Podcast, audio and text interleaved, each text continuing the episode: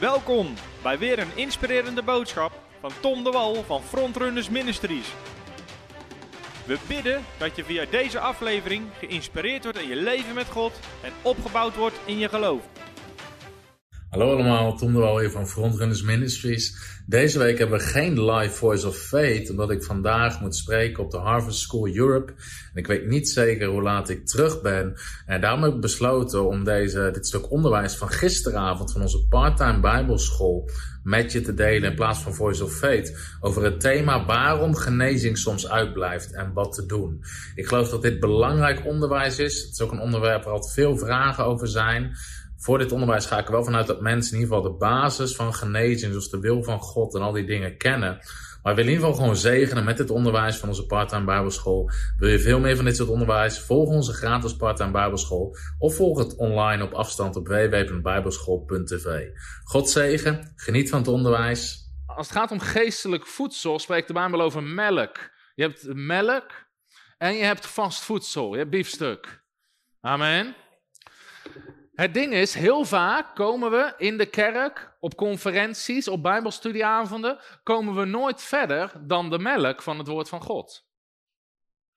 Als ik op zondagochtend in allerlei gemeenten spreek, je kan niet vast voedsel naar binnen duwen, want heel veel mensen zijn er niet aan toe. Zelfs Paulus, de gemeentes die hij gesticht had, Paulus schreef naar de Korinthe. Hij zegt, ik heb u met melk gevoed en niet met vast voedsel. U kon dat nog niet verdragen en u kunt het nu ook nog niet.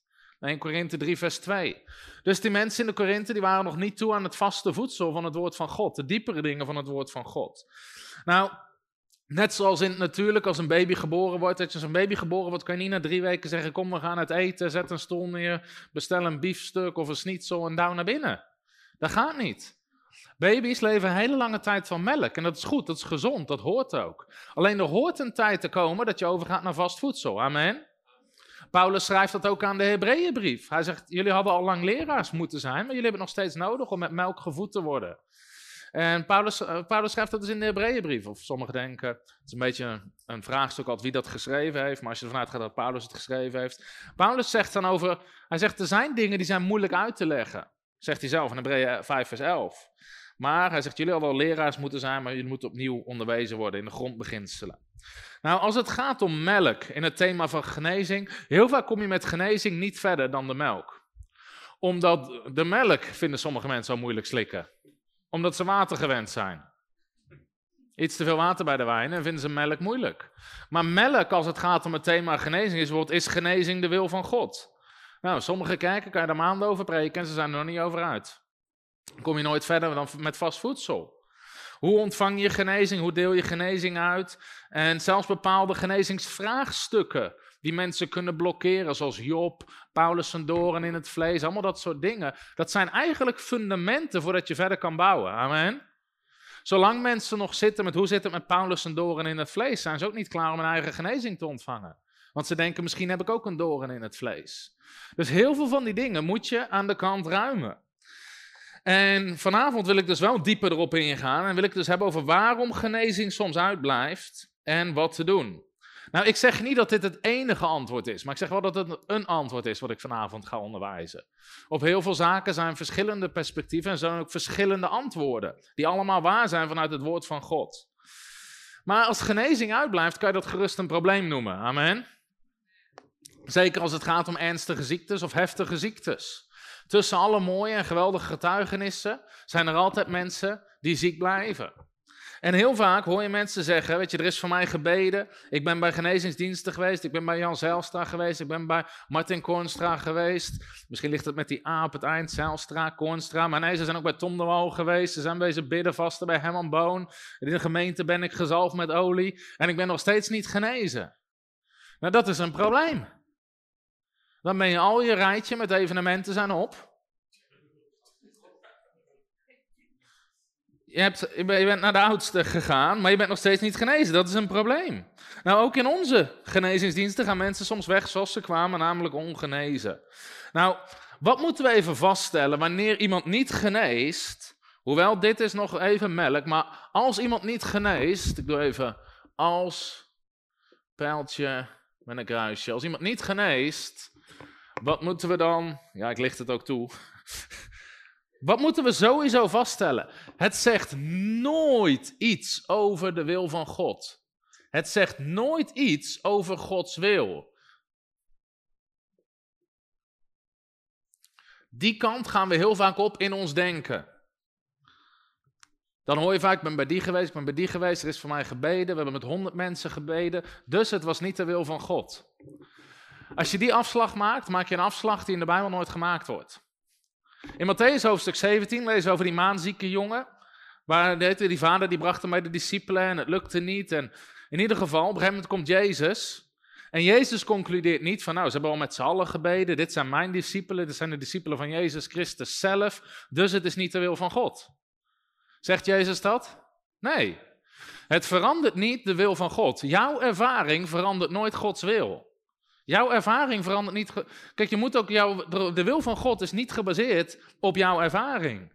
Op jouw waarheid. Jezus zei: Ik ben de weg, de waarheid en het leven. Als we waarheid willen, moeten we kijken naar Jezus. En in dat geval zie je dat Jezus genas die jongen, dus het was wel de wil van God. Want hoeveel weten dat Jezus ging niet tegen de wil van God in? Dus hij genas die jongen wel. Dus we moeten gewoon weten, genezing is juist altijd de wil van God. Ik was wil vergeten, nooit iets over Gods wil. Genezing is altijd de wil van God. Ik ga het gewoon nog één keer opsommen, even een aantal dingen. Ten eerste noemt de Bijbel ziekte een overweldiging van de duivel. Handelingen 10, vers 38. Zo'n groot fundament. Maar ziekte, hoe kunnen we dat weten van Gods wil? Ziekte is een overweldiging van de duivel. Een overweldiging. Er waren ook demonen, en er zijn demonen die ziektes veroorzaken, maar een overweldiging van de duivel. Over alle duizenden mensen die Jezus genas, we hebben gezien, Jezus genas ontzettend veel mensen, noemt de Bijbel dat een overweldiging van de duivel. Daarnaast zegt de Bijbel twintig keer, Jezus genas allen. Twintig keer zegt de Bijbel, Jezus genas allen. Dus alle mensen die naar Jezus toe kwamen, tegen al die mensen, niemand, Jezus zei tegen niemand, oh, voor jou is het niet de wil van God, of wat dan ook. En als we naar Jezus kijken, hebben we de Vader gezien. Amen. Jezus zei, als je mij hebt gezien, heb je de Vader gezien. Dus als je wil weten hoe is de Vader, hij wordt genoemd het beeld van de onzichtbare God. Hij heeft de heerlijkheid van God geopenbaard. Hij is de afdruk van zijn persoonlijkheid, zegt Hebreeën hoofdstuk 1. Nou, wat is nog een veel belangrijker argument als het gaat om genezing? Is Jezus, en soms is het gewoon goed om even te herhalen, Jezus stierf aan het kruis ook voor onze ziekten. Ook voor onze ziekten. Niet alleen voor de zonde, ook voor de zonde maar ook voor de ziekte. Jezaja 53 zegt zo duidelijk, onze ziekten heeft hij op zich genomen. Ons leed heeft hij gedragen. Om onze overtredingen zijn verwond, om onze ongerechtigheden verbrijzeld. De straf die ons vrede aanbrengt was op hem. En door zijn striemen is er voor ons genezing gekomen.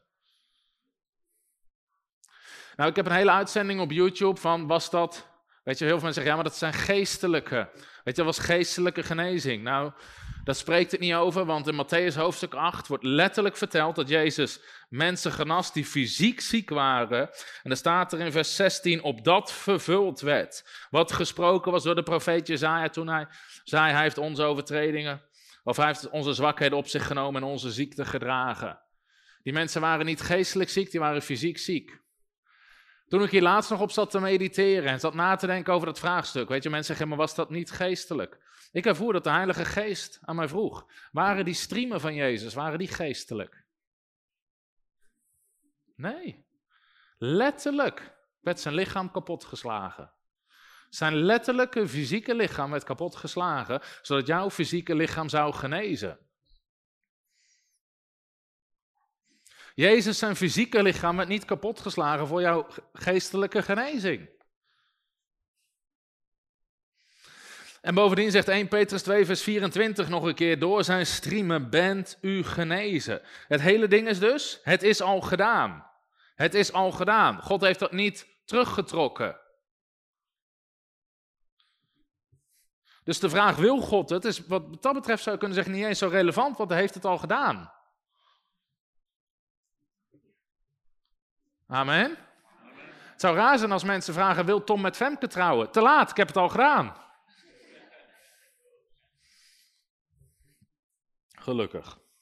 Gelukkig.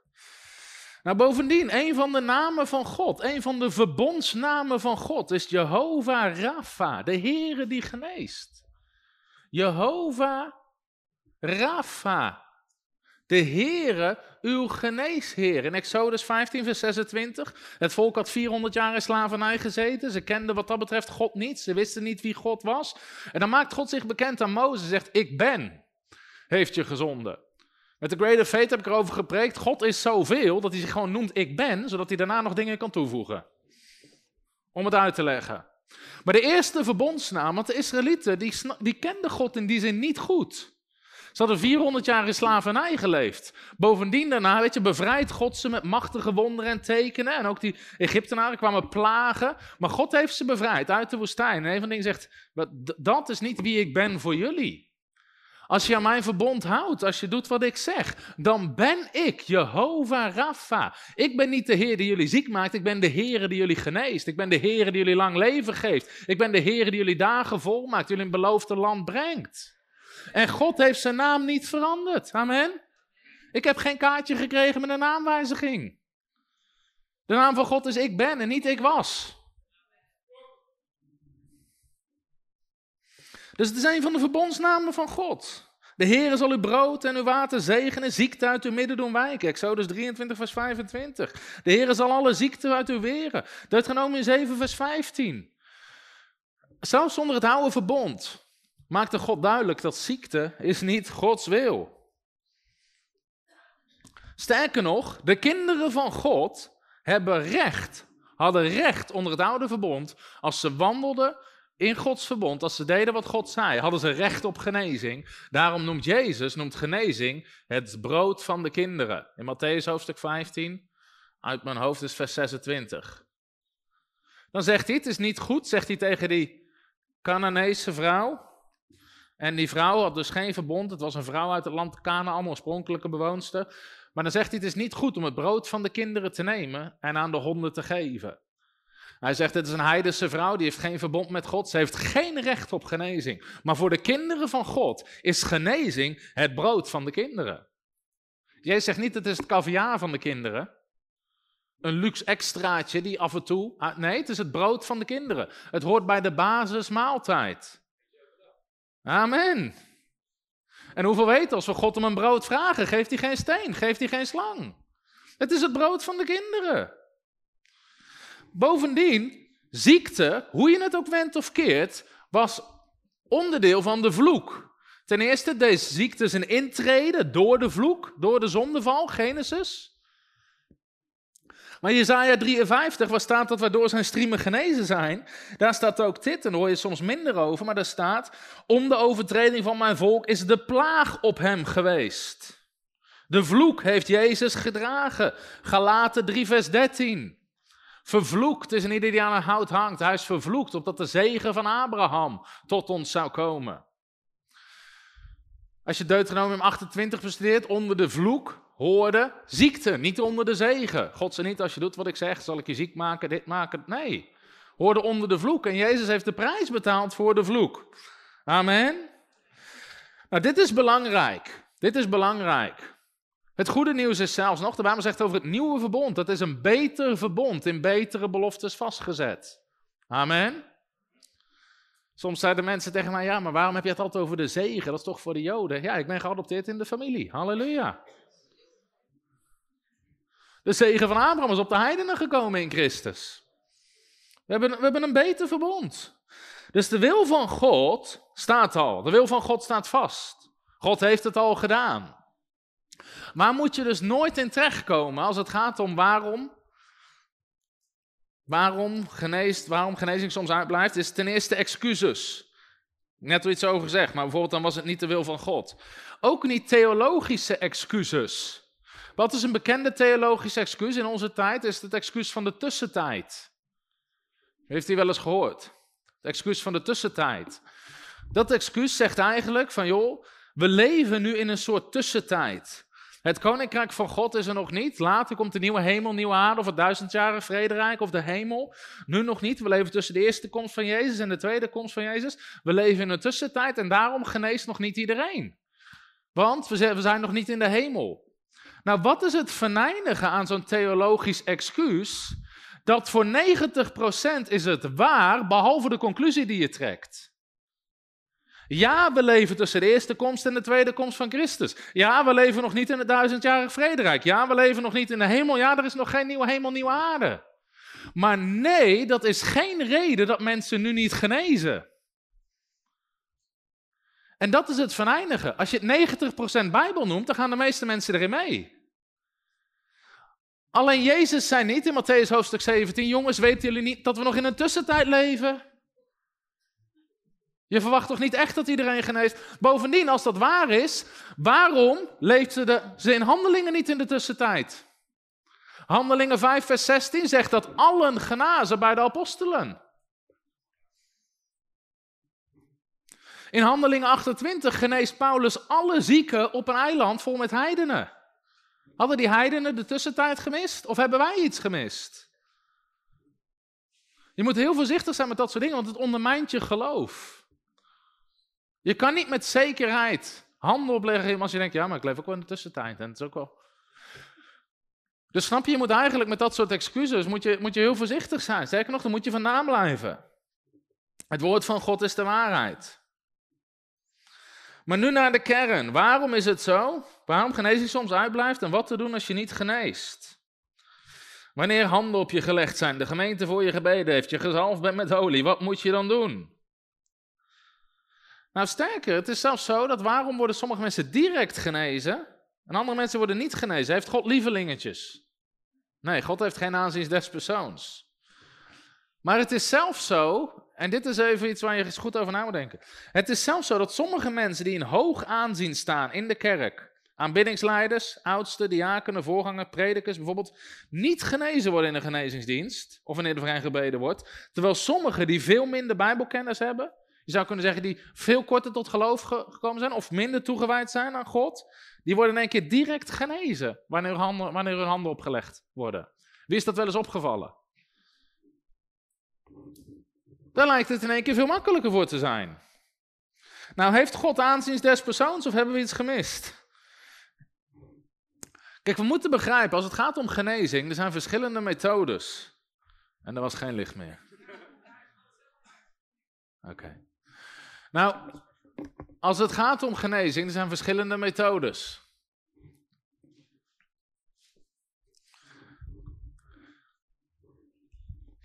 Er zijn ook verschillende bewegingen van God. Eén daarvan, de meest bekende, je zou kunnen zeggen, zijn de genezingsbedieningen. Genezingsbedieningen.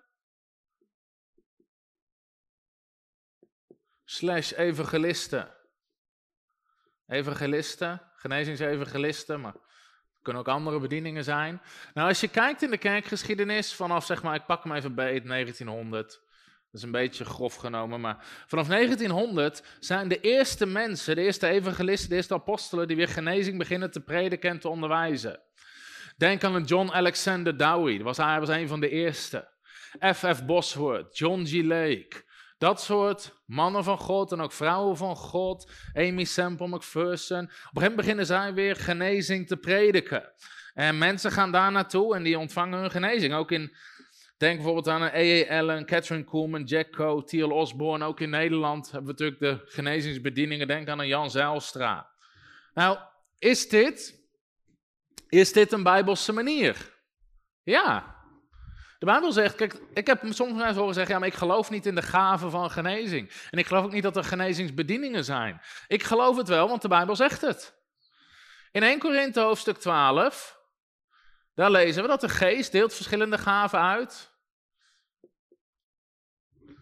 Aan de een gaven van genezing, werkingen van krachten, gaven van geloof. Zijn verschillende gaven die komen om de hoek kijken als het gaat om wonderen en tekenen. Bovendien zegt vers 28, laten we die eens lezen, 1 Korinthe 12, vers 28. Zal ik hem voorlezen? Alleen de mensen met een iPhone kunnen hem lezen.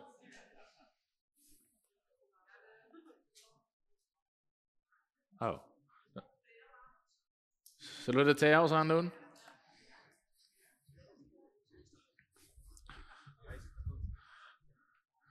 En er was licht.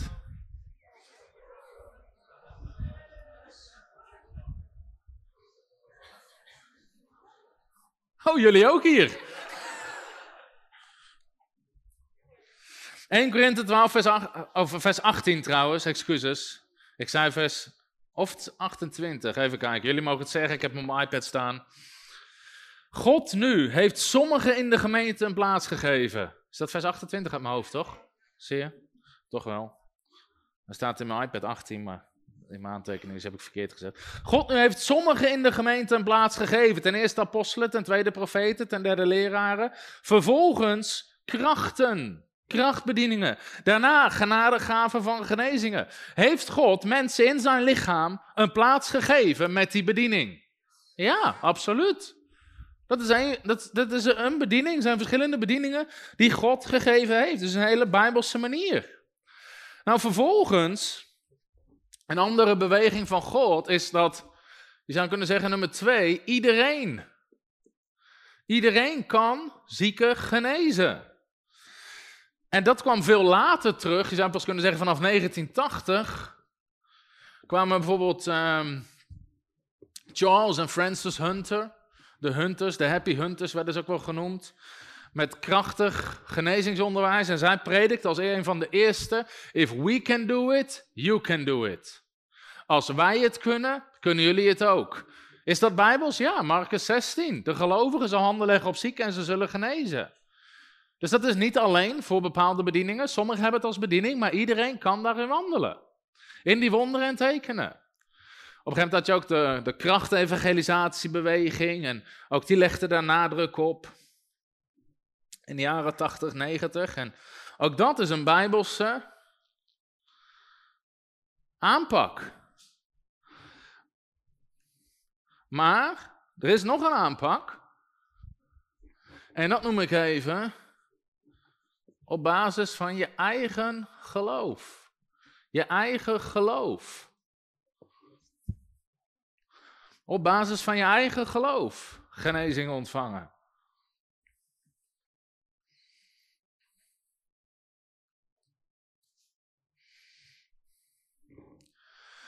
Nou, als het gaat om mensen die genezing nodig hebben, die ziek worden in hun lichaam, dan zie je dat er best wel in het algemeen een groot gebrek aan kennis is over de dingen van God. Daarom zegt de Bijbel ook, door gebrek aan kennis gaat mijn volk ten gronde, Hosea 4 vers 6. Dus zodra mensen ziek worden, is eigenlijk het eerste waar ze aan denken, is deze methode. Is deze manier. We gaan naar de genezingsbediening toe om genezing te halen. En al die namen die ik net al noemde, dat gaan ze dan naartoe. Ze gaan naar een genezingsbediening toe om voor zich te laten bidden. Heel veel nadruk, bijna alle aandacht ligt altijd daarop. Dat is ook altijd wat je hoort. Die heeft voor mij gebeden, die heeft voor mij gebeden, die heeft voor mij gebeden. Nou, dit zijn methodes. Maar wat we moeten begrijpen is, die genezingsbedieningen, die werken, die functioneren voornamelijk op basis van de gaven van de geest. De gaven van de geest. En de Bijbel zegt, de geest deelt ze uit zoals hij wil. Zoals hij wil. En dat is belangrijk om dat te beseffen. Die aan ieder uitzonderlijk uitdeelt zoals hij wil. Dus je zou kunnen zeggen, het zijn manifestaties van de geest. De gaven van de geest worden niet uitgedeeld zoals ik wil. Je kan je daarna uitstrekken, je kan daarna streven. Dat is ook een Bijbelse opdracht. Streef naar de gaven van de geest. Zoek daarna, zoek daarna met elkaar. Maar we hebben in die zin geen controleknop over de Heilige Geest. Amen.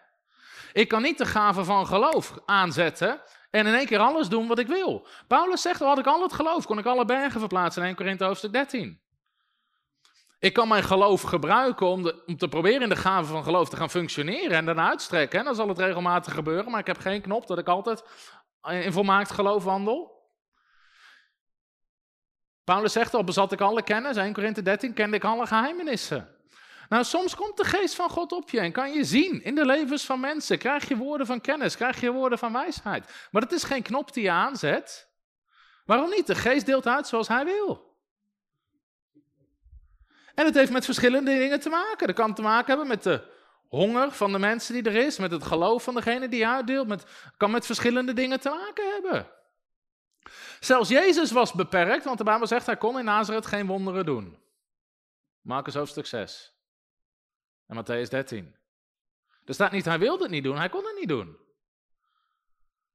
De mensen ontvingen hem niet en, en, en die, hij kon daar geen krachten doen. Die, die gaven functioneerden daar niet. Dus soms, in één keer in dat soort dienst, in dat begint de geest van God te bewegen op machtige manieren. Weet je, we hebben mensen, we hebben staal laatst nog staal uit iemand zijn knie zien smelten. Die kon zijn knie niet buigen, die zat huilend vooraan op het podium. Nou, je zou altijd die knop aan willen zetten. Amen. En je strekt je er altijd naar uit, maar, maar het is niet iets wat altijd gebeurt. We hebben meegemaakt in diensten, dat gewoon terwijl ik aan het preken ben, voel ik, boem, de, gave van genezing is er en begint gewoon te stromen. Mensen genezen, je bent niet eens aan het bidden. Op de Greater Power Conference, een tijd geleden, of de Greater Faith, toen was het heel streng met coronamaatregelen, heel veel mensen waren zenuwachtig. En ik wist gewoon, God wil mensen genezen. En ik zei, Heer, hoe gaan we dit doen? Weet je, mensen zijn zenuwachtig met handen opleggen. En God zei, laat de mensen door je schaduw heen lopen en ze zullen genezen. De Bijbel onderwijst dat in Handelingen hoofdstuk 5. Dus dat is wat we deden in die dienst. Ik zeg, ik geloof dit is wat de geest van God zegt. Als je daar geloof voor hebt, je wil het doen, doe het. Dus weet je, we zetten die schijnwerper erop. Mensen liepen er doorheen, zeker 15, 20 mensen genazen die avond. Door gewoon door, door de schaduw heen te lopen. Niemand handen op ze gelegd, maar ze genazen. Nou, dat zijn manifestaties van de Heilige Geest. Manifestaties van de Heilige Geest. En, en die dingen gebeuren, die gebeuren vaak, maar het is niet dat je daar een patent op hebt, dat je dat altijd aan en uit kan zetten. Nou, wat is belangrijk als het daarom gaat? Waarom worden sommigen direct genezen en anderen niet direct? Mijn ervaring is dit. Vaak is het voor traditionele gelovigen, ongelovigen of zelfs pas bekeerde mensen makkelijker om genezen te worden in genezingsdiensten dan voor Pinkster, evangelisch of charismatische mensen. Nou, waarom is dat? Dat heeft te maken, geloof ik, met de functie van die gave van de Heilige Geest. Waarom? De Bijbel zegt de Geest komt om te getuigen en te overtuigen van Jezus. Ten eerste zijn ze een soort reclamebord om mensen verder te leiden. Ze zijn ook ter opbouw van de gemeente. Ze zijn ook ter opbouw van de gemeente. Nou, hoeveel weten dat de gemeente wordt enorm opgebouwd als in één keer dat soort wonderen gebeuren? Dat geloof stijgt gewoon. Mensen komen makkelijk tot geloof als die gaven functioneren. Mensen genezen makkelijk. We hadden in Groningen, toen we die campagne deden in Groningen, mensen die helemaal niks wisten. Mensen die ineens wisten dat je kan vallen in de geest, bij wijze van spreken. De kracht van God raakt ze. Ze worden bevrijd van geesten van kanker, wonderen gebeuren, de een naar de ander. En in no time komen er honderd mensen tot de Heer. Dat is het doel van de gave van genezing. Ze komen om te getuigen, ze komen om Jezus te verheerlijken en die gaven functioneren.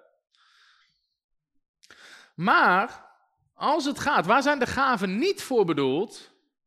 De gaven zijn niet per se bedoeld voor jou om jouw persoonlijke erfenis te ontvangen. Dat is iets wat je op moet schrijven.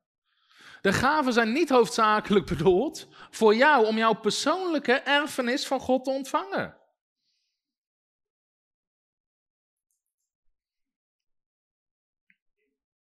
De gaven zijn niet bedoeld voor jou om jouw persoonlijke erfenis te ontvangen.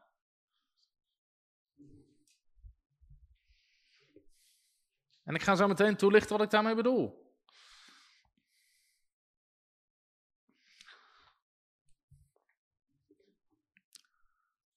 Zou nog water kunnen pakken, Wendy?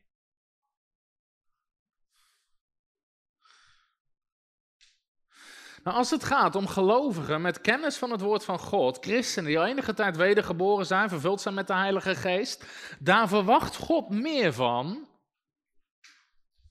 Daar verwacht God meer van dan pasgelovigen, pasbekeerden of mensen met weinig kennis. En ik geloof zelf dat dit een duidelijke lijn is in het woord van God. En ik ga, het je, ik ga een aantal voorbeelden geven. Dit is een duidelijke lijn in het woord van God. Dit zien we namelijk als het gaat om genezing. Doe dit er even in een hokje. Als, wordt steeds overzichtelijker hè. Als Jezus initiatief neemt, zelf initiatief neemt, denk me even een poppetje, om iemand te genezen, Dat betekent Jezus stapt zelf op iemand af. Jezus benadert zelf iemand, vraagt Jezus nooit om geloof van die persoon. Nooit. Er zijn een aantal verhalen waarin Jezus zelf op iemand afstapt. De man met de verschrompelde hand. De man in Bethesda. In Johannes hoofdstuk 5. Malchus, die zijn oor kwijtraakte door de hulp van Petrus. Als Jezus zelf iemand benadert, vraagt hij nooit geloof van de zieke. Jezus vraagt ook geen geloof van ongelovigen. Daarom heten ze ongelovigen. Diep, hè? Maar in Lucas hoofdstuk 10, daar zegt Jezus: Ga naar de stad toe, genees de zieken die daar zijn, en zeg dan: Het koninkrijk van God is bij jullie gekomen. Dat is Lucas hoofdstuk 10. Ga naar de stad toe, hij zendt ze 70 uit, ongelovige stad, genees de zieken die daar zijn, en zeg daarna: Het koninkrijk van God is bij jullie gekomen. In andere woorden, genees ze eerst en leg daarna uit wat er gebeurd is. Verwacht die geloof van ze? Nee, het zijn ongelovigen.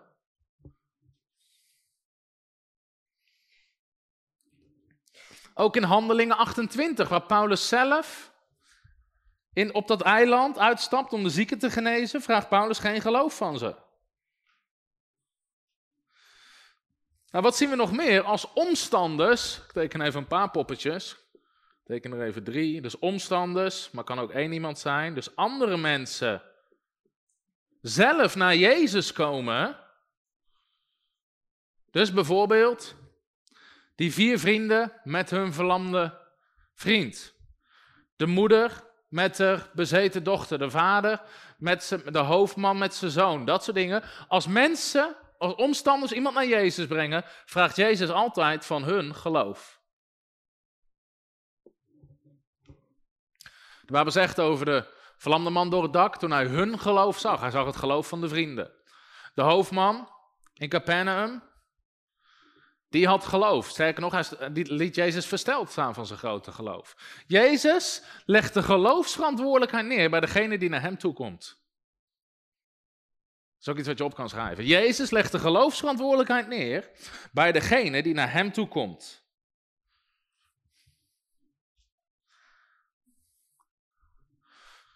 Maar nu, als de zieke. Even kijken of ik iemand kan tekenen die ziek is. Kijk. Het is niet zo vrolijk, hè? Zie, ja. Ah, nu, als de zieke.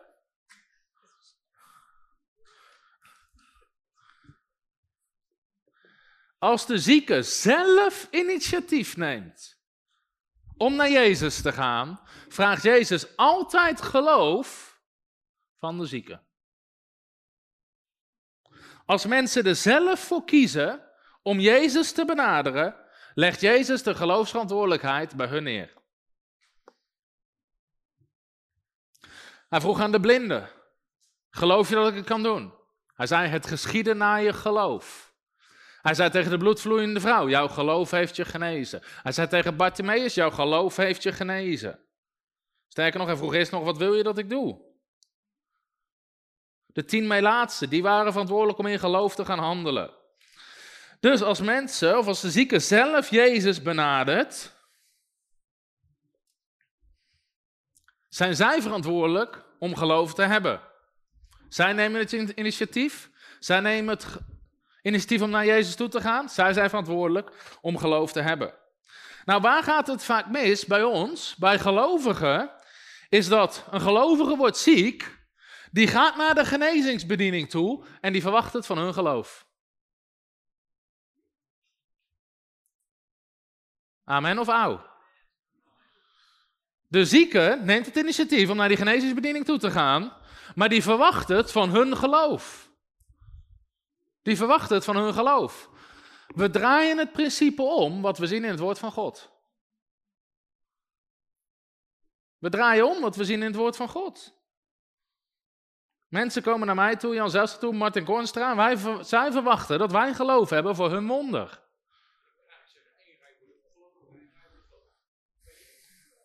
Ja.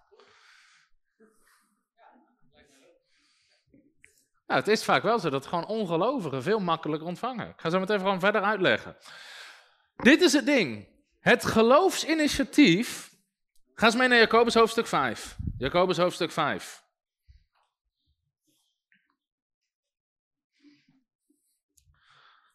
Ga alvast even een stapje terwijl Jacobus 5 opzoekt.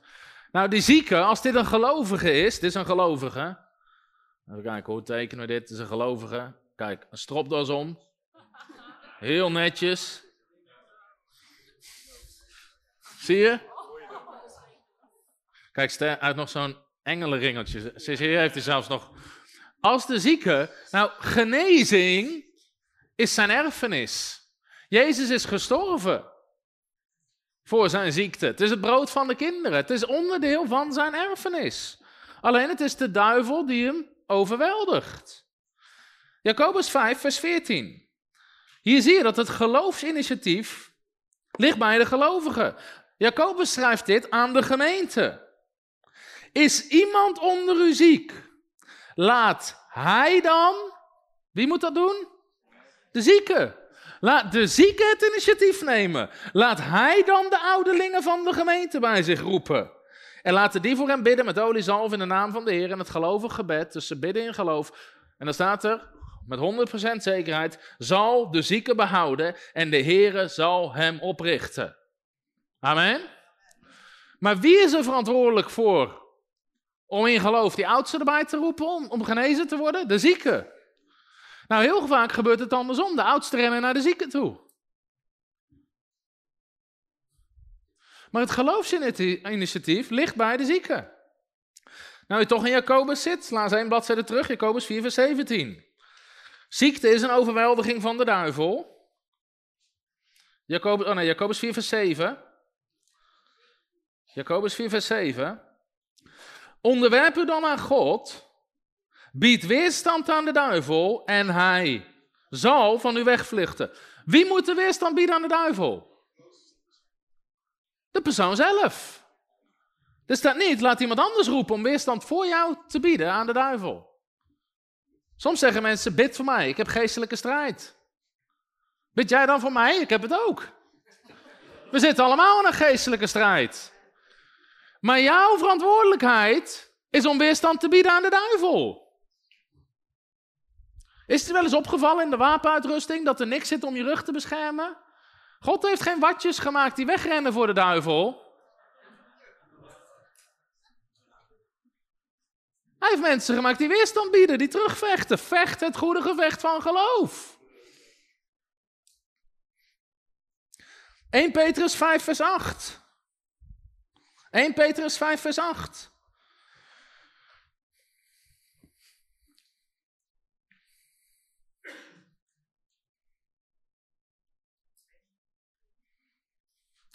Nou, in de context is dit even interessant, maar de context hiervan gaat ook over de gemeente en dat jongeren zich moeten onderwerpen aan de oudsten en mensen zich aan elkaar moeten onderwerpen. Gaat over gezonde gemeentestructuren.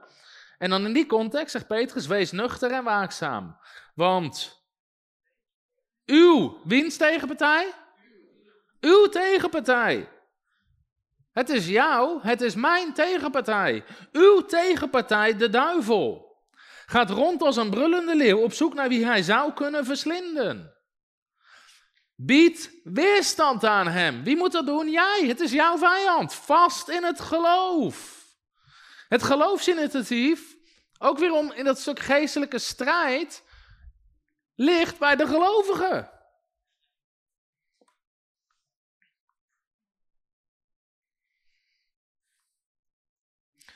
Nou, er is één tekst die uit mijn hoofd vijf keer in de Bijbel staat over de gelovigen.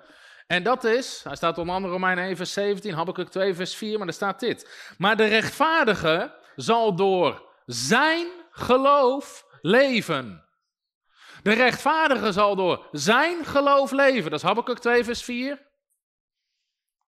Uit wiens geloof hoort de rechtvaardige te leven? Zijn geloof. Zijn geloof.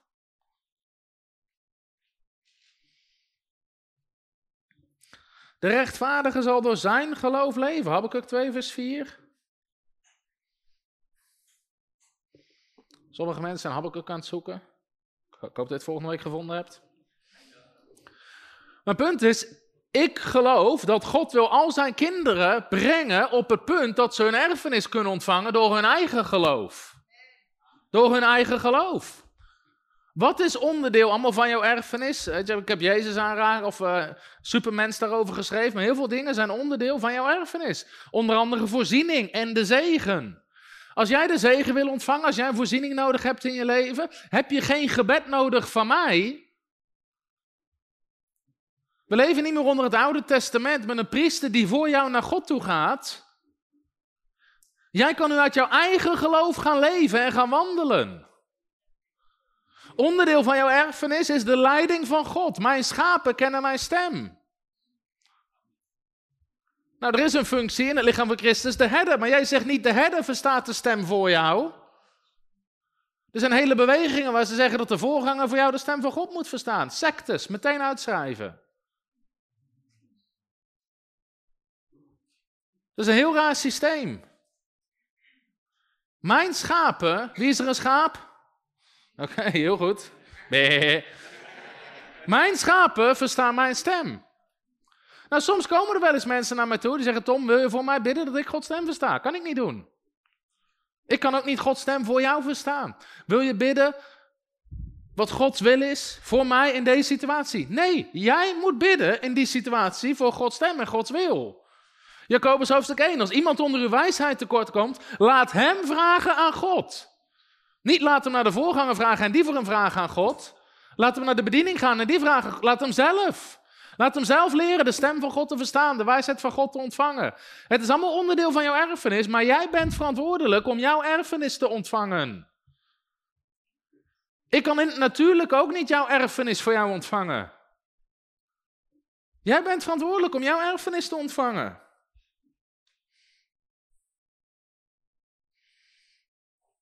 De rechtvaardige zal leven door zijn eigen geloof. Het ding is, je, als je net tot geloof bent gekomen, weinig kennis hebt van bepaalde dingen, dan kan je steunen en kan je gebruik maken van het geloof van andere mensen. Absoluut. Maar het is niet de bedoeling dat dat zo blijft. De rechtvaardige zal leven uit zijn geloof. Jij bent verantwoordelijk voor jouw geloof. God zal niet het geloof van een ander accepteren als blijvende vervanging voor jouw geloof. Hij doet dat misschien tijdelijk, om je tijd te geven om te groeien, maar hij verwacht dat jouw eigen geloof groeit. God blijft niet het geloof van anderen accepteren als vervanging voor jouw geloof. God doet dat tijdelijk, als je net tot geloof bent gekomen. God doet dat voor ongelovigen. Weet je wat dat heet? Genade. Genade. Maar op een gegeven moment is het de bedoeling dat we opgroeien en dat we niet langer kinderen blijven. Maar dat we opgroeien in Christus tot een volwassen man.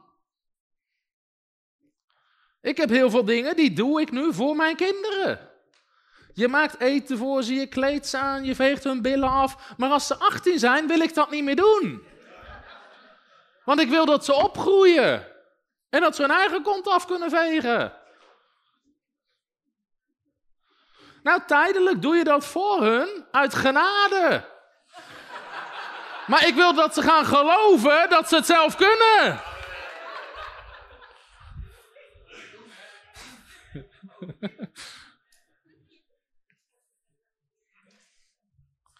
Nu is het probleem nog eerder andersom, dat hij te snel gelooft dat hij het zelf ook kan.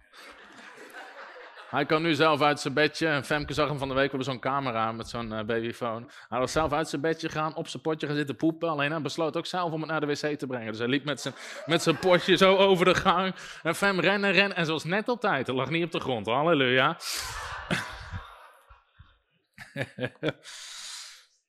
maar mijn punt is, je verwacht dat je kinderen opgroeien. Amen. Nou, er zijn mensen die zitten al jarenlang in de kerk, in evangelische stromingen, in pinksterstromingen, in charismatische stromingen, wat voor stroming dan ook. Ze hebben boeken gelezen over genezing, ze hebben preken gehoord over genezing, maar ze blijven het verwachten op iemand anders zijn geloof. En er komt een moment dat God wil dat je gaat staan op je eigen benen. Mooi voorbeeld van, ik, ik haal het voorbeeld, voorbeeld aan in mijn boek Jezus aan, het getuigenis van Dodi Osteen. Dodie was de vrouw van John Austin. John Austin was een geloofsprediker in Amerika. Geweldige gemeente hadden ze daar, man van God, bloeiende gemeente. En uiteindelijk kreeg zij, zij kreeg in 1981, was ze 48 jaar oud. Ze voelde zich niet goed, ze gingen naar de arts en ze kreeg te horen dat ze uitgezaaide leverkanker had. Zat in de hele lever en over de hele lichaam zat die kanker. En het was ook een speciale soort kanker, waardoor ze niet wisten waar de hoofdtumor zat. Dat zat eigenlijk op een andere plek en werd verspreid door haar hele lichaam. En de artsen zeiden, je hebt nog een paar weken te leven. Je hebt nog een paar weken te leven. We kunnen je chemo geven, we kunnen je behandelen. Maar we kunnen het hooguit dan twee, drie weken verlengen. Dus ze kreeg slechts nog enkele weken te leven. Omdat de artsen toch niks meer voor, konden doen, ze was totaal opgegeven. Ze zeiden, we gaan ook niet behandelen. We gaan in geloof staan voor genezing.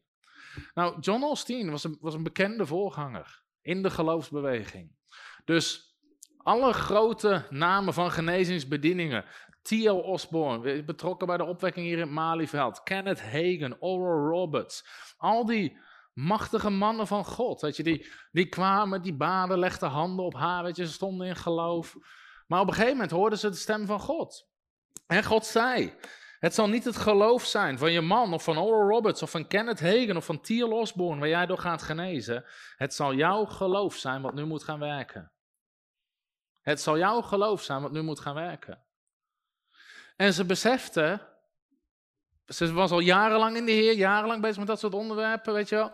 Het is niet goed als je nog steeds anderen nodig hebt om dan te ontvangen wat jouw erfenis is. En toen besefte ze, wacht, ik heb hier een verantwoordelijkheid. Dus ze zei, ik ga in geloof staan voor mijn genezing. De getuigenis is magnifiek, ze leeft vandaag de dag trouwens nog steeds, ze is 87 jaar oud. Maar ze had maar twee, drie weken te leven. Dus ze zei, ik ga in geloof staan voor mijn genezing. Dus iedere dag, weet je, ze begon bijbelteksten te lezen, te mediteren om geloof te bouwen. Ze, weet je, ik geloof dat ik door zijn streamen genezen ben. Radicaal. Ze, weet je, ze had maar een korte tijd te leven. Ze was radicaal. Dus een van de dingen, haar hele lichaam was uitgemergeld. Ze woog 45 kilo.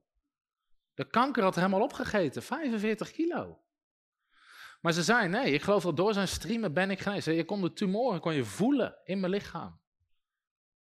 Nou, dat vraagt een bepaalde mate van geloof, om te wandelen in geloof en niet naar aanschouwen. Maar ze zei, een van de dingen die ik niet ga doen, ik ga niet op bed liggen rusten. Haar lichaam was totaal uitgeput. Maar ze gezonde mensen liggen niet op bed te rusten.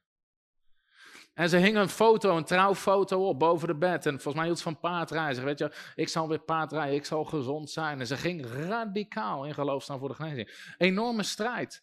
S'nachts voelde ze de pijn van de kanker door de hele lichaam heen trekken. Ze voelde de kanker in de lichaam. En iedere keer als ze werd verleid om te kijken naar natuurlijke omstandigheden, stond ze op uit de bed, pakte ze de Bijbel, begon ze het woord van God te proclameren, door de kamer heen te lopen.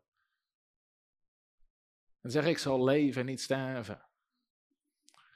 En uiteindelijk, na een strijd van een paar maanden lang, op een gegeven moment wist ze gewoon, ik heb de overwinning, ze is teruggegaan naar het ziekenhuis, is helemaal schoon verklaard en vandaag de dag leeft ze nog steeds. Halleluja. Maar zij beseft op een gegeven moment, het zal mijn geloof zijn wat nu iets moet gaan doen. Het zal mijn geloof zijn wat nu iets moet gaan doen. Ze kon niet langer op het geloof van een ander leunen. Ze kon niet langer op het geloof van een ander leunen. Nou, dit verhaal hoor ik, wat eigenlijk een mooi voorbeeld is, een mooie illustratie is. Van een genezingsprediker. En die deed een serie samenkomsten in 1954. En er kwam een man van 82 jaar oud in die meetings. Hij was daar een aantal weken lang. En die man zei tegen hem: Broeder, ik begin nu eindelijk iets te begrijpen. hij vertelde zijn verhaal. Hij zegt: Rond 1923 hij zei, werd ik ernstig dodelijk ziek. En in die tijd werd heel vaak gezegd: je moet verhuizen naar een beter klimaat. Hij had ook een ziekte met zijn longen. En... Dus hij verhuisde naar Californië. Hij had nog twee jaar te leven volgens de artsen. Op een gegeven moment hoorde hij van de bediening van Amy Sample McPherson. Ik weet niet of sommige mensen wel eens van haar gehoord hebben. Krachtige genezingsbediening in Los Angeles. Dus hij hoorde van genezing. Hij dacht, nou, weet je, dat ga ik eens proberen. Hij ging daarheen. En in die tijd moest je vijf genezingsklassen nemen, vijf genezingslessen. Waar het woord van God werd onderwezen en dan werd er voor je gebeden. Hij ging er naartoe, nam die lessen, ging in de rij staan, werd voor hem gebeden. En dan werd in één klap werd hij direct genezen van zijn ongeneeslijke ziekte. Niet alleen dat, hij besloot ook zijn leven aan Jezus te geven, werd wedergeboren, was eigenlijk, hij was traditioneel opgevoed, maar had geen levende relatie met God, hij werd er levend, hij kwam tot levend geloof. Na tien jaar lang, tien jaar lang wandelde hij met God. Hij ging ook naar de kerk, zat in een gemeente, werd het woord van God onderwezen. In 1934 kreeg hij een dubbele hernia. En hij kon bijna niet lopen. Dus hij dacht, weet je wat, ik ga naar Los Angeles, ik ga naar Amy Semple McPherson, ik ga naar die vijf genezingsklassen, ik ga in de rij staan, ik word genezen. Dus hij gaat naar Los Angeles toe met de trein, neemt de vijf klassen, gaat in de rij staan, wordt niet genezen. Hij zegt, nou, misschien is ze niet in vorm vanavond. Ik ga nog een keer. Nog een keer door die vijf klassen heen, in de rij staan, werd voor de vorm gebeden, werd niet genezen. Hij zei, ze is de kracht kwijt, ze is de kracht kwijt. Hij ging terug naar huis, ziek. Ziek. Bleef ziek, dubbele hernia. Uiteindelijk in 1938, vier jaar later, komt Jack Coe. Ik weet niet of mensen wel eens gehoord van Jack Coe. Werd gigantisch gebruikt door God in wonderen en tekenen. Ging er naartoe, liet twee keer, drie keer voor zich bidden. Gebeurde niks. Toen kwam Oral Roberts naar Californië. Oral Roberts was een van de genezingspioniers. Liet voor zich bidden, gebeurde niks. Allerlei bedieningen. Tot op een gegeven moment William Branham. Ik weet niet of mensen, je kan zelfs nog wat videobeelden, wat heel oud. William Branham werd machtig gebruikt in woorden van kennis en genezing. William Branham in de samenkomst pikt hem eruit. Zegt die man, u zit daar, komt daar vandaan, heeft een dubbele hernia. Wijst hem aan, vertelt wat hem aan de hand is. Legt handen op hem, wordt niet genezen. Wel een woord van kennis. Hij zag het wel in de geest, maar de kracht stroomde niet, hij werd niet genezen. Uiteindelijk kwam hij dus bij die bediening en, en van Kenneth Hagen. Kenneth Hagen predikt het woord, onderwees het woord. En uiteindelijk pakt hij daar iets. Ook Kenneth Hagen bad twee, drie keer voor hem, werd niet genezen. Maar uiteindelijk begon hij ook te luisteren naar het onderwijs. En 1954, die prediker was terug op diezelfde plek. Negen maanden later, die man komt naar hem toe rennen, kerngezond. Kerngezond. Hij zegt, ik heb dat onderwijs, heb ik allemaal zitten luisteren, zitten overdenken. En in één keer snapte ik, dat God verwacht iets van mij. Dus ik ben zelf mijn geloof gaan groeien, zelf mijn geloof gaan gebruiken. En ik ben thuis totaal genezen, hij was totaal genezen. Iedereen had handen op hem gelegd, van Oral Roberts tot Jack Coe tot William Brennan, die hem eruit pikte met woorden van kennis. Allemaal machtige mannen en vrouwen van God. Maar uiteindelijk, hij moest iets gaan doen. De eerste keer accepteerde God dat hij het geloof van een ander nodig had, de genezingsbediening, de gave van de geest van een ander. Maar op een gegeven moment was hij een aantal jaren lang in de Heer en toen verwachtte God dat hij zelf op ging staan. En hij kon niet langer het geloof van een ander blijven gebruiken om zijn eigen erfenis te ontvangen.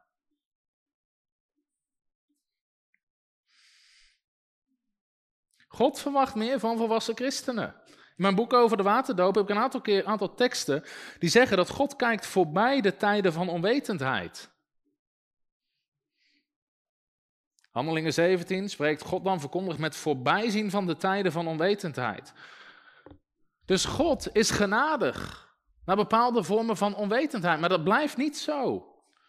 Daarom zegt Petrus zegt, broeders, ik weet dat u het uit onwetendheid hebt gedaan, maar kom nu tot inkeer. Handelingen 3 vers 17 en 19.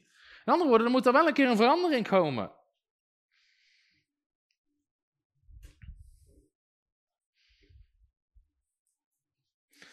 Nou, dit is interessant.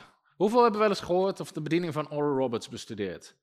Oral Roberts was een machtige godgebruiker. Je kan zijn video's kan je nog opzoeken op YouTube. En um, hij heeft de Oral Roberts University, waar heel veel bedieningen ook uit voort zijn gekomen. Hij werd machtig door God gebruikt met tentcampagnes, met genezingen. De doven die konden horen, blinden konden zien, stommen konden spreken. Mensen, gewoon lopende band bijna genezingswerk. Op een gegeven moment bij Oral Roberts, in die genezingsdiensten, lieten ze mensen kaarten invullen. En dan moesten opschrijven een adres, welke gemeente ze lid zijn, welke ziekten ze hadden. En dat vulden ze allemaal in na de dienst, of in de dienst. En na zes maanden stuurden ze mensen weer een enquête. En dan vroegen ze, ben je genezen in die meeting? En ben je nog steeds genezen? Dus ze hadden al die informatie van al die mensen. Ze vroegen, ben je toen genezen en ben je nog steeds genezen? 6000 kaarten kwamen terug. Ze in een bepaalde periode, 6000 kaarten kwamen terug. Let op. Van de Pinkster, Full Gospel of charismatische beweging werd 1 op de 10 genezen in de meeting. 10%. Katholieken, ongelovigen, pasbekeerden of mensen uit stroming waar gewoon geen kennis was over genezing, werd 80% genezen en bleven genezen. Nou, dat zijn feiten. Dat zijn feiten.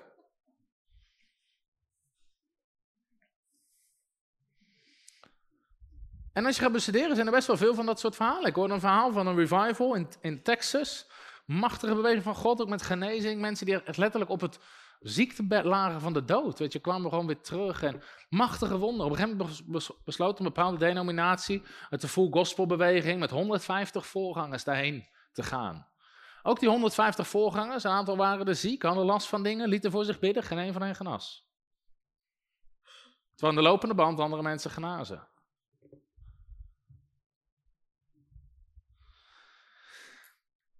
Mijn punt is dit: er zit een verschil tussen je genezing ontvangen op basis van de gave van genezing. En ga naar de genezingsbediening waar je afhankelijk bent van hun geloof. Terwijl als jij hun benadert, is dat eigenlijk niet de lijn.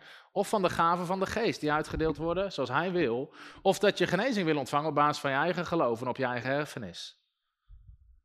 En heel vaak proberen we, en ik zeg niet dat God dat nooit doet, dat het niet gebeurt, maar God wil je hebben op een punt van volwassenheid waar jij ge- genezing kan ontvangen door je eigen geloof. Of waar in ieder geval het geloofsinitiatief neemt en erin gaat staan. Dit is het ding, genezing komt ons toe. Maar het is geen kwestie van gebed. Honderd mensen hebben voor mij gebeden, maar ik ben niet genezen. Prima, de Bijbel zegt nergens laat honderd mensen bidden. Jezus heeft de hele prijs betaald en we ontvangen onze erfenis door geloof. Het is door geloof en volharding dat we in bezit nemen de beloftes van God. Door geloof ontvangen we, beërven we de beloftes. De rechtvaardige zal wandelen door zijn geloof. Je wandelt door geloof, niet door aanschouwen. Al die dingen meer.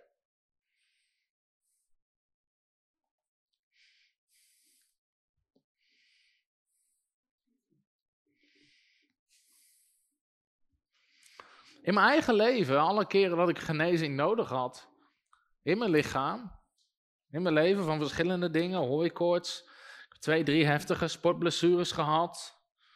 Mijn pols was vanuit vroeger, vanuit vechtsporten, was zwaar beschadigd. Andere aanvallen met ziekte.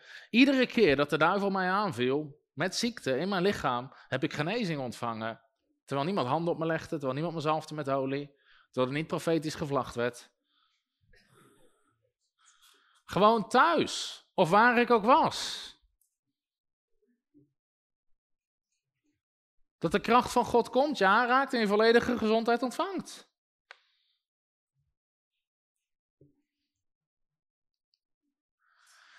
En ik geloof dat God wil dat we daar naartoe groeien.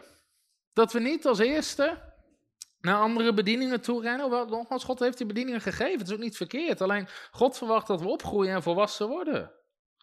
Dat je op je eigen benen gaat staan. Nou, waarom blijft genezing soms uit? Omdat mensen misschien de verkeerde methode gebruiken die God voor hen heeft.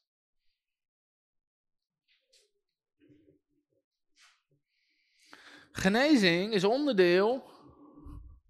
Het is een verbondsnaam. Het is onderdeel van het verbond.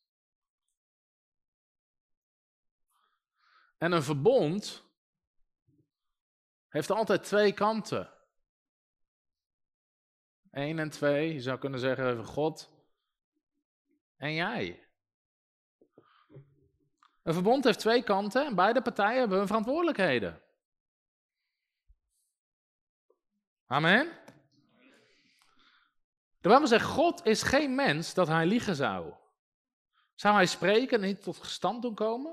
Zou hij spreken en zijn woord niet waarmaken? God zegt, ik zal mijn verbond nooit verbreken. Ik waak over mijn woord om dat te doen. Er is maar één ding wat God niet kan en dat is liegen. Amen. God is geen mens dat er liegen kan. Titus 1 vers 2 zegt zelfs, hij kan niet liegen. God kan niet liegen. Dus als God zegt dat jij door zijn striemen genezen bent, dat wat Gods betreft, Gods kant, dat is het. God heeft niet gelogen toen hij dat zei. Maar wij hebben bepaalde dingen aan onze kant die we moeten doen.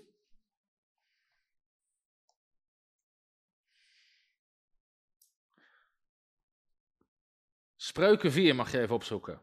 Ik geloof dat dit een van de mooiste teksten over genezing is voor de gelovigen.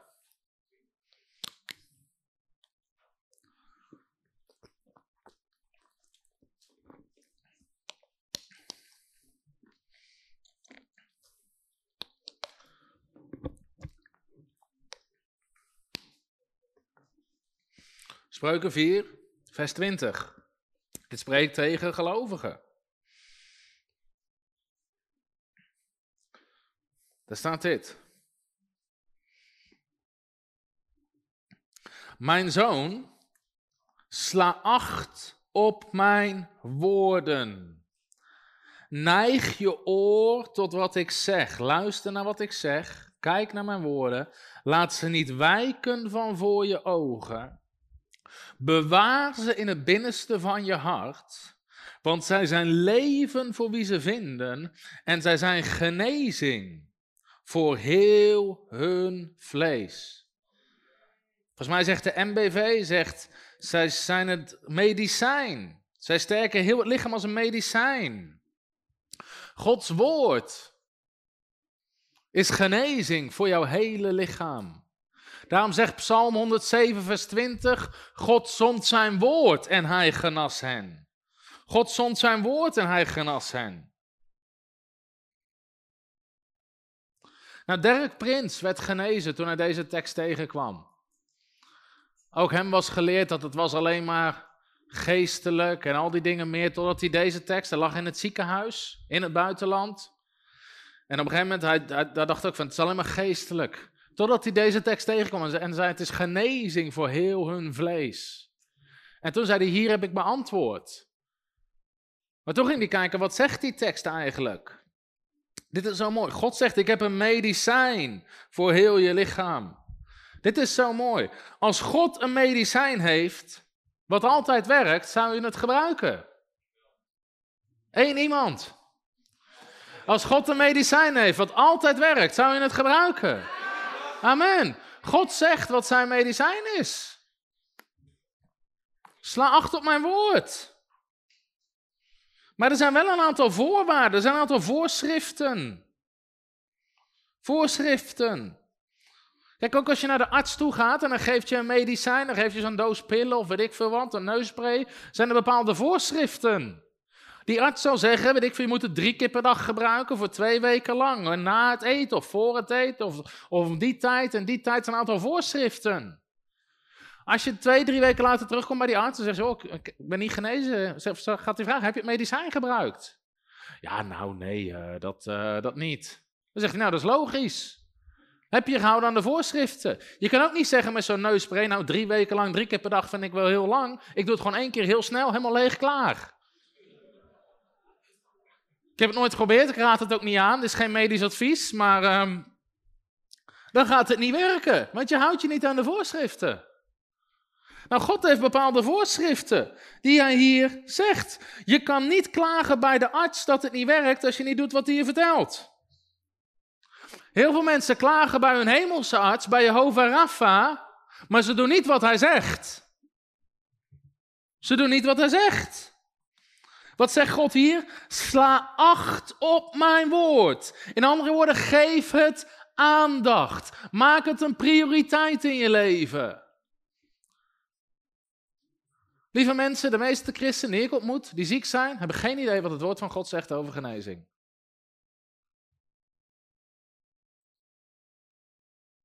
Ze spenderen weinig tijd in het woord van God. Heb je tijd met God? Ja, nou nee, ik ben nogal druk. Je gaat tegen de voorschriften in. Voorschrift 1, sla acht op mijn woord. Geef het aandacht. Maak het een prioriteit. Neig je oor naar wat God zegt. Je moet luisteren. Je moet het gaan doen. Laat je ogen er niet van afwijken.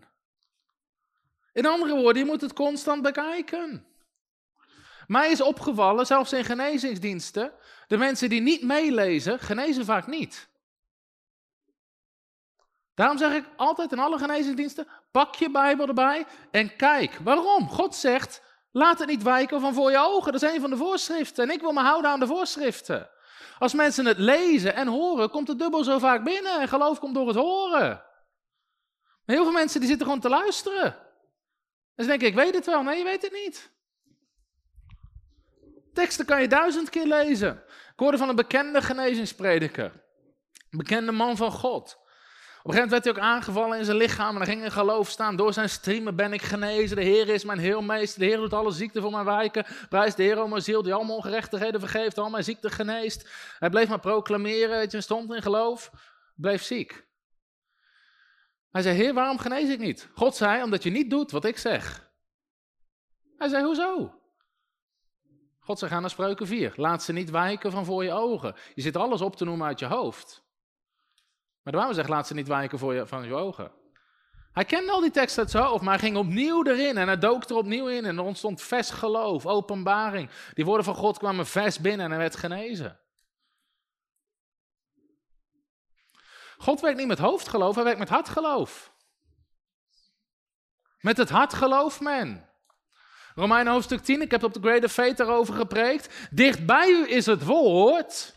Daar staat er in uw mond, dus je moet het spreken. Mensen die het woord van God niet spreken, kan je niks voor doen. En in uw hart staat er dan. Er staat niet het licht op je nachtkastje. Staat niet in uw Bijbel-app. In uw hart. Als je wil dat het woord van God voor je werkt, moet het zijn in je mond en in je hart. En mensen die niet luisteren naar de voorschriften, kan je niks voor doen. Op onze laatste conferentie, Greater Faith, komt een jonge dame, naam maakt niet uit. Ze komt er gewoon aangevallen door demonen, allerlei geesten van dwang en allerlei lelijke demonen. Ik sprak die demonen aan, de kracht van God kwam op, dus ze werd bevrijd. Ik zei, je moet goed luisteren. En ik gaf er hele specifieke instructies. Dit moet je doen, iedere dag, als je wakker wordt, en dan zal je vrij blijven. Vorige week kom ik in Nunspeet. Zelfde meid. Zo gebonden als een deur. Ik zei, heb je gedaan wat ik zei? Nee. Nee, waarom niet? Nou, ik dacht, dat is het probleem. Ja, ik dacht, zou dat een verschil... Ja, dat maakt een verschil. Je bent wel hartstikke gebonden. Ik heb tegen gezegd, ik ga nog één keer voor je bidden. Als je niet doet wat ik zeg, bid ik nooit meer van mijn leven voor je. Veel plezier met je demonen. We zijn geen McDrive waar mensen iedere keer gewoon doorheen kunnen rijden. Mijn punt is.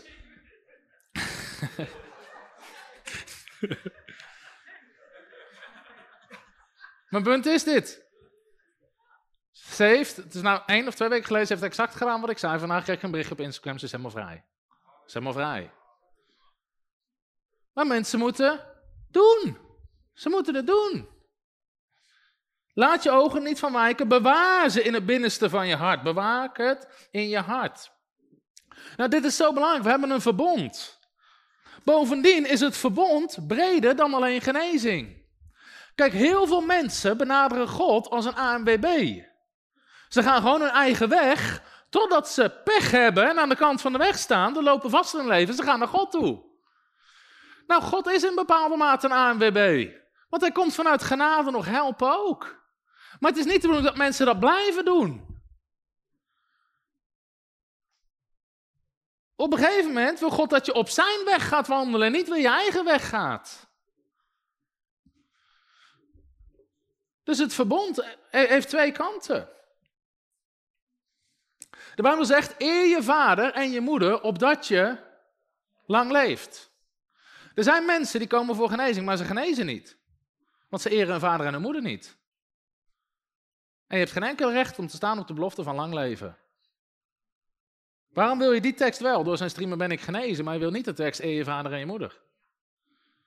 Het is geen wokbuffet waar je uitkiest wat jou goed uitkomt. Nou, met dit soort dingen moet je, weet je, je gaat niet naar de hondenblokkades en de honderd hindernissen. Het is gewoon het verbond. Het is gewoon het verbond. Spreuken 17, vers 22. Een blij hart bevordert de genezing, maar een neerslachtige geest doet de beenderen verdorren. Jij kan aanspraak maken op je genezing, maar als jij een neerslachtige geest hebt, als je altijd depressief en negatief bent en aan het klagen bent en je niet verheugt in de Heer, blijf je beenderen verdorren. Ook dat is een Bijbeltekst.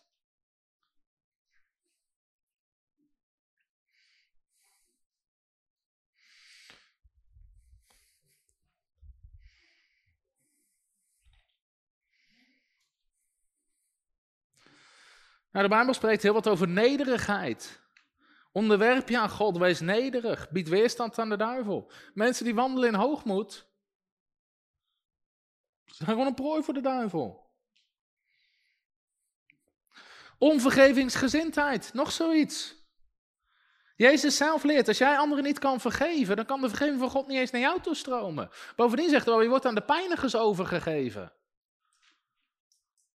Heel veel mensen hebben geen genezing nodig, ze hebben vergeving nodig. Ze moeten leren om andere mensen te vergeven. En je kan niet de ene tekst wat Jezus zegt negeren en op de andere gaan staan. Dat is niet hoe het koninkrijk van God werkt. God zal heel genadig zijn met ongelovigen, pas bekeerden. Maar van volwassen christenen en mensen die opgroeien, verwacht hij gewoon dat ze andere mensen vergeven.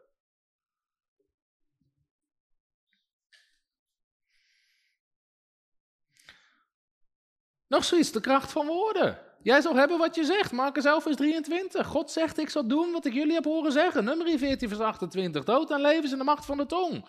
Jij kan niet genezing claimen en ziekte blijven spreken.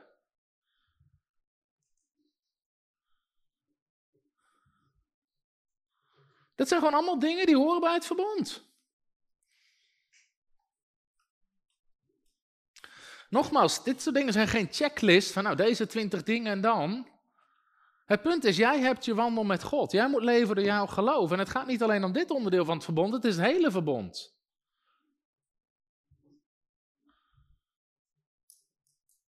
Zelfs dit heb ik, dit voorbeeld heb ik drie keer gehoord. Ook een, van onze studenten, misschien is die persoon hier vanavond. De eerste keer hoorde ik van Kenneth Hagen, die wilde hand opleggen voor iemand voor genezing.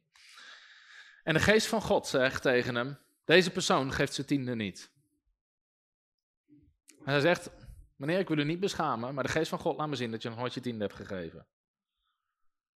En die man zei, ik weet het, al twee jaar lang, legt God op mijn hart om tiende te gaan geven, maar ik luister niet. Hij doet het niet. Regen zei, ga ik ook niet voor u bidden. God liet het hem zien.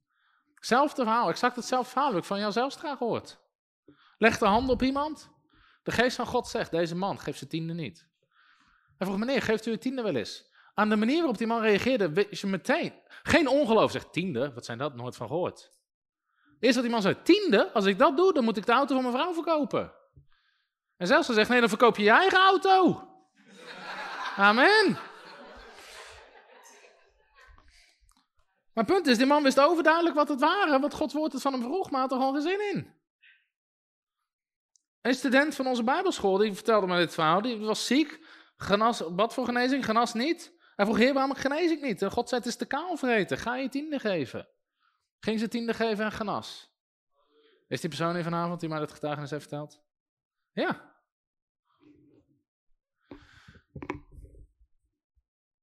Dit is het ding. Dus ik geloof niet, je moet niet gaan werken met checklisten. Maar als het gaat om jouw wandel met God, jij kent jouw wandel met God. Jij weet wat je wel en niet doet. Waar, en hoe je wandel met God is. God zendt zijn woord en hij genas. Nou, het laatste, wat ik hier nog over wil zeggen, als het gaat om waarom genezing soms uitblijft en wat te doen. Al zeven, acht jaar geleden was ik hierover aan het bidden. In het algemeen ook. En, en God begon tot me te spreken. En sommigen van jullie kennen dit onderwijs, maar het is echt levensveranderend, hoe vaak je er ook in duikt. Over de gelijkenis van de zaaier. En de gelijkenis van de zaaier is de allerbelangrijkste gelijkenis die er is in het Nieuwe Testament. Jezus zelf zegt, als je deze gelijkenis niet begrijpt, hoe ga je een van de andere gelijkenissen begrijpen? Dus de gelijkenis van de zaaier is het allerbelangrijkste. In de gelijkenis van de zaaier, de Bijbel zegt, de zaaier zaait het woord. De zaaier zaait het woord. En er zijn vier categorieën grond. Nou, wat moeten we eerst weten? Het woord is voor iedereen hetzelfde. Amen. We hebben allemaal hetzelfde woord. In het woord staat voor iedereen hetzelfde. Ik heb geen TDW, Tom de Wal vertaling, en hier hebben we een Arnoud vertaling, en een Rick vertaling, en iedereen heeft zijn... Nee, we hebben allemaal hetzelfde woord. En God is geen mens dat hij liegen zou. Nummer 23, vers 19. Als God spreekt, doet hij het gestand. Bovendien zegt God in Jeremia 1, vers 12: Ik waak over mijn woord om dat te doen. God waakt over zijn woord om dat te doen. In Jezaja, ik denk dat het 55 is, vers 12, daar zegt God, ik zend mijn woord en het zal voorspoedig zijn in hetgene waar ik het voor zend. Het zal niet vruchteloos naar mij terugkeren. Het woord van God doet altijd waar God het voor zendt. Dus in die gelijkenis van de zaaier, van de vier grondsoorten, in drie grondsoorten, is er geen vrucht. Maar het ligt nooit aan het woord. Het ligt nooit aan het woord. Het, het woord werkt altijd. Het is de grondsoort waar het invalt, waar het doorheen gaat. We hebben allemaal te maken met dit soort grondsoorten in ons leven. En een van de dingen die het woord van God doet, is het geneest ons. Hij zond zijn woord en hij genas. Psalm 107, vers 20. Het woord is genezing voor een hele vlees. En het woord doet het altijd. Amen. Het woord is Gods medicijn. Halleluja. Je kan er geen overdosis van nemen. Het heeft geen bijwerkingen. Het is het enige medicijn waar je verslaafd aan mag zijn. Halleluja. Mensen vragen wat is er met jou aan de? Je doet zo apart. Zeg je, ik ben verslaafd aan de medicatie. Halleluja. Ik heb een overdosis.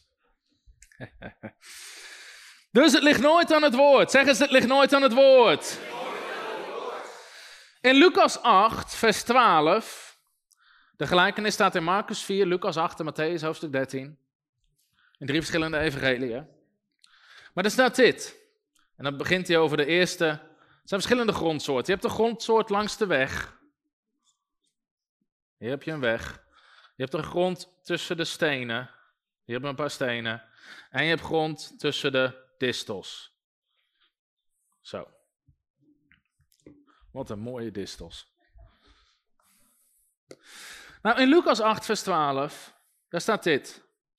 En zij, bij wie langs de weg gezaaid wordt, zij zijn die het horen. Dus zij horen het woord. Mensen horen het woord. Maar daarna komt de duivel, neemt het woord weg, opdat zij niet geloven en zalig worden. Nou, wat is dat woord zalig worden? Sowieso, soteria. Het beschrijft je hele erfenis. Het beschrijft je hele erfenis. Het beschrijft ook de goede werken die God voor jou heeft voorbereid. Je... Kijk, sommige mensen zeggen, ja, maar weet je, dit gaat alleen over onze redding. Nee, lieverd, je kan niet 30% gered worden. Wat dan, alleen je tenen in de hemel? De Bijbel zegt 30voudig, 60voudig, 100voudig vrucht. Je kan niet 30voudig gered worden, 60, het beschrijft alles.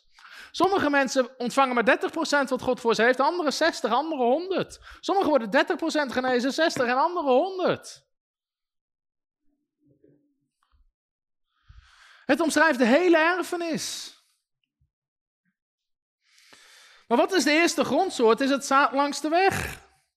En staat er, de Satan komt en hij steelt het woord.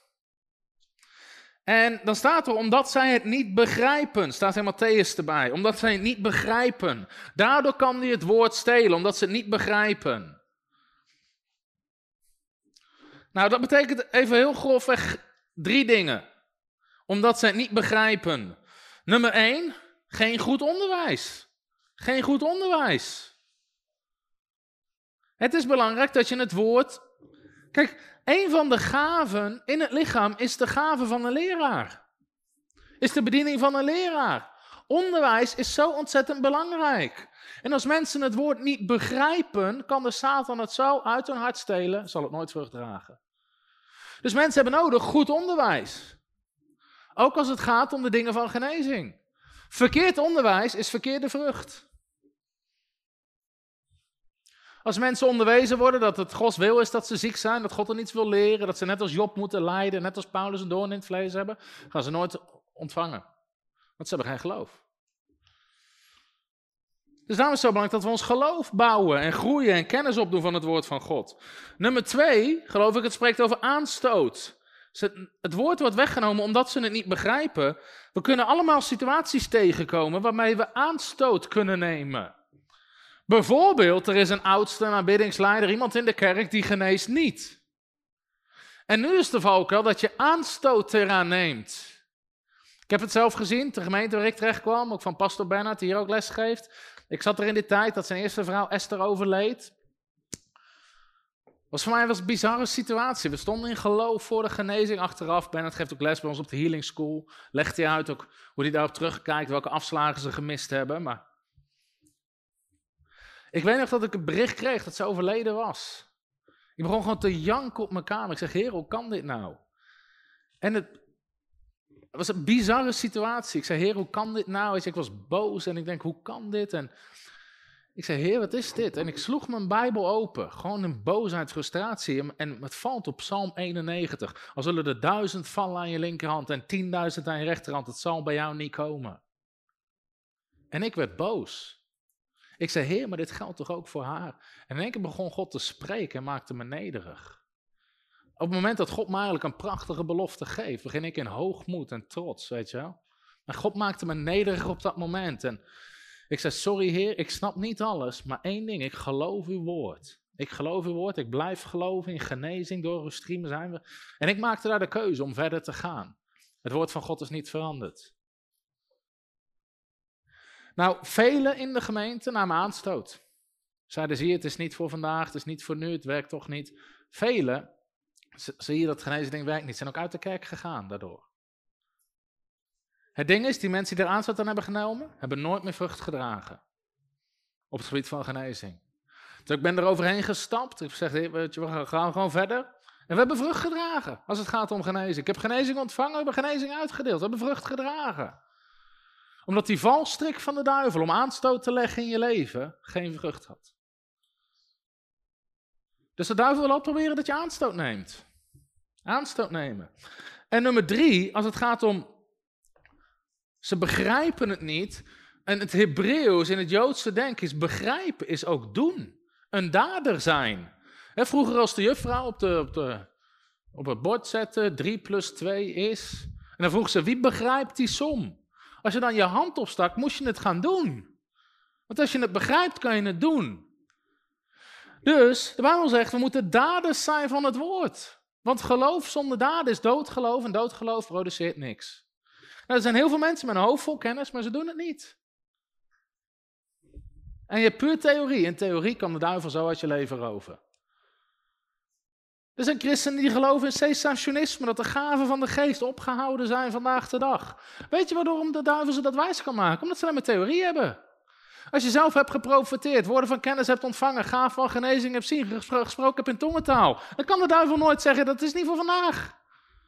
Waar ik een paar Jehovah getuigen, ja, maar dat is niet meer voor vandaag, tongentaal. Abraskila namondra di kisha talabanda. Wat is dit dan?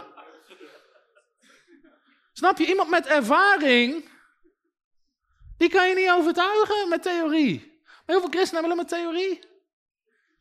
En de duivel kan ze een andere kant op leiden. Nou, hoeveel christenen zijn er die een deel van hun erfenis ook op genezing hebben gemist, omdat ze geen goed onderwijs hadden, aanstoot hebben genomen aan een bepaalde situatie, of gewoon geen daders zijn? Het is zelfs schokkend in deze gelijkenis, want Jezus onderwijst soms van die vier groepen, dat drie van de vier dragen geen vrucht. Dat is 75 procent. En van die ene groep is er nog maar een derde die honderdvoudig vrucht draagt. Dus van die 25 procent die vrucht draagt, is er een derde, is ongeveer 8 procent. Die draagt honderdvoudig vrucht. Nou, kijk, kijk eens naar het lichaam van Christus, wereldwijd. Hoeveel mensen wandelen honderdvoudig in wat God voor hen heeft?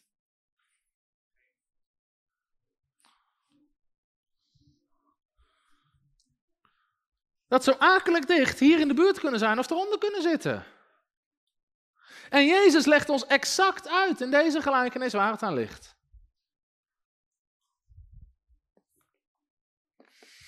Nummer twee. De grond op steenachtige, de, het zaad wat op steenachtige grond valt. De Bijbel zegt, het zaad wordt daar gezaaid. Het zijn ook mensen die verheugen zich op het moment dat ze het horen. Maar zij zijn mensen van het ogenblik. Als er verdrukking of vervolging komt omwille van het woord, dan verliezen ze het. Dus ze geven op. Ze geven op. Ja.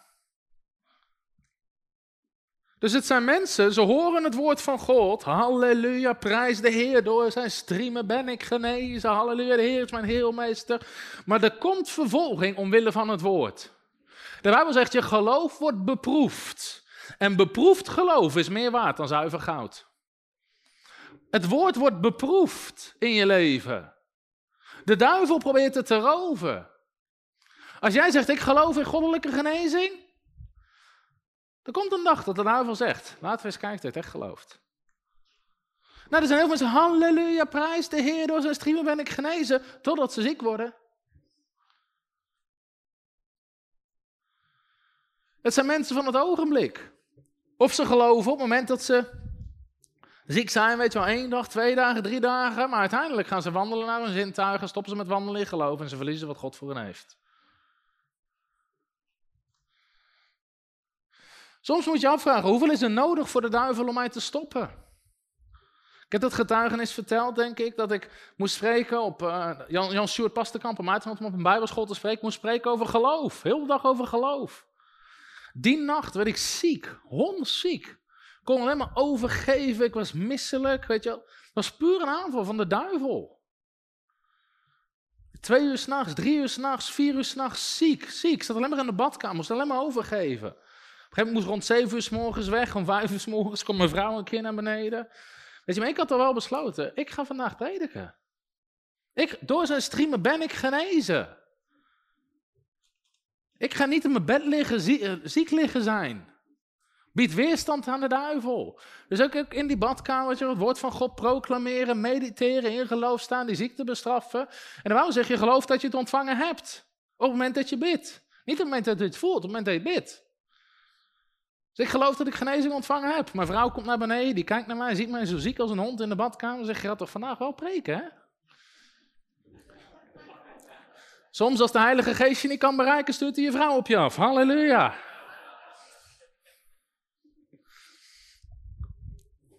Nou, in het natuurlijke, ik moest om de 10 minuten overgeven. Dat was, weet je, dat zou gekke werk zijn. Ik bel Niels op, Niels van kantoor. Ik zeg, Niels, ik, zeg, moet, ik moet les geven daar. Ik zeg, kom met de auto, kom ophalen. Ik kan niet auto rijden. In de auto. Nog, gelukkig had mijn Emma mee. Nog overgeven. Maar ik zei, nee. Nee, vandaag ga ik preken. Ga preken over geloof. Al zou ik zo ziek als een hond preken, ik zou preken over geloof. God is een waarmaker van zijn woord. Dan moet ik om de minuut naar de gang lopen, kotsen, kom ik terug die les in, preek ik dat God is een waarmaker van zijn woord. Hij is geen mens dat hij liegen zou. Als we Gods beloftes geloven, zullen we ze altijd beërven. Het woord verandert niet, amen. Niels Remen naar die bijbelschool. De seconde dat we bij die bijbelschool aankomen, ik stap uit de auto, mijn voet raakt de grond. De kracht van God raakt me, alle ziekte van valt me af en ik ben helemaal gezond. Het ding is, je moet volharden. Je moet volharden. Wat is er nodig voor de duivel om je te stoppen? Wat is er nodig voor de duivel om je te stoppen? Getuigenis van Desmond heeft Hans ook verteld. Ze ging in geloof staan voor genezing van autisme voor de jongen. Twee jaar lang veranderde niks. Twee jaar lang bleef zeggen, Desmond, door zijn streamen ben je genezen. Handen op hem gelegd en zo geloven dat je helemaal normaal staat. De meest verschrikkelijke vorm van autisme. Hij kon niet eens praten, hij kon niks tot op een speciale school. Twee jaar lang stonden ze in geloof. Twee jaar lang stonden ze in geloof. En van de ene op de andere dag komt hij thuis, zegt hij, mama, waarom zit ik met allemaal bijzondere kinderen op school? Na twee jaar lang, niks veranderde. Abraham wandelde in geloof. Duurde langer dan twee jaar. Het ding is, wij zijn zo vaak mensen van het ogenblik. En we wandelen zo snel naar gevoel en naar omstandigheden. En we geven op. Ja, waarom heeft het niet gewerkt? Hoor je mensen zeggen, ze hebben, ze hebben twee keer voor zich laten bidden. Er was een vrouw bij Smith Wigglesworth, die ging in de rij staan voor genezing van de hart, weet je wel. Hij legt de handen op haar, die vrouw draait om, gaat weer opnieuw in de rij staan. En zegt, mevrouw, wat doet u? Ja, ik ben nog niet genezen, zegt ze. Hij zegt, er is niks mis met uw hart, er is iets mis met uw geloof. Maar heel veel christenen wandelen in gevoel, ze zijn aan het voelen. In plaats van aan het geloven.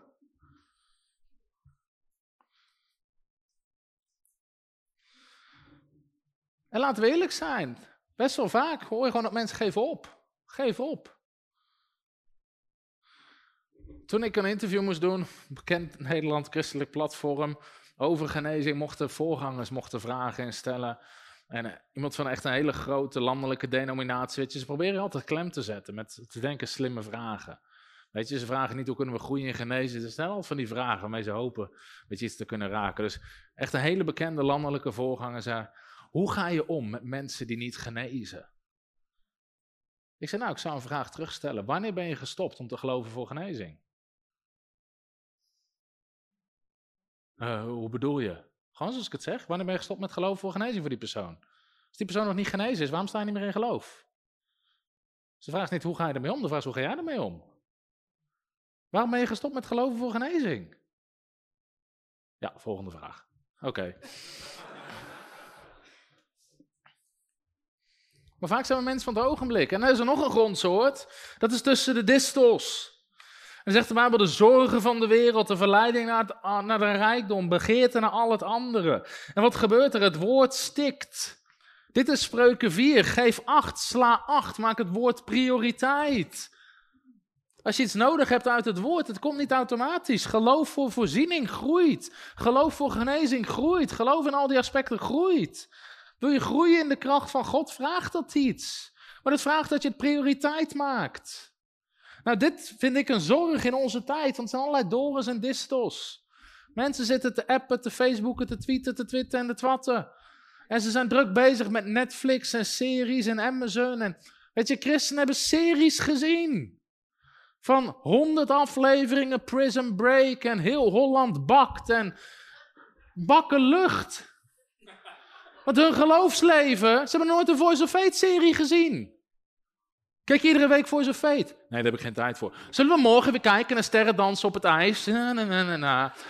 En vervolgens vraagt zich af waarom er geen geloof is voor wonderen en genezing en voor al die dingen meer. Dorens en distels, verkeerde prioriteiten.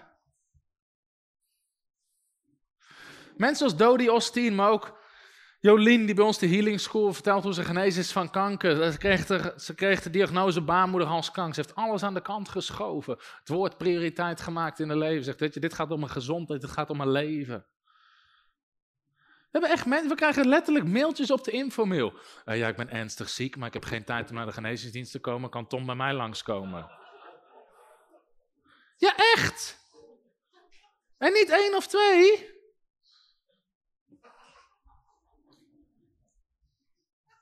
We krijgen aan de lopende band dat soort mailtjes.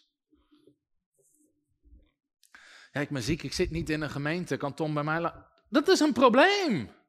Je zit inderdaad niet in een gemeente. Jij moet de oudste roepen, maar als je geen oudste hebt, dan heb jij inderdaad een probleem.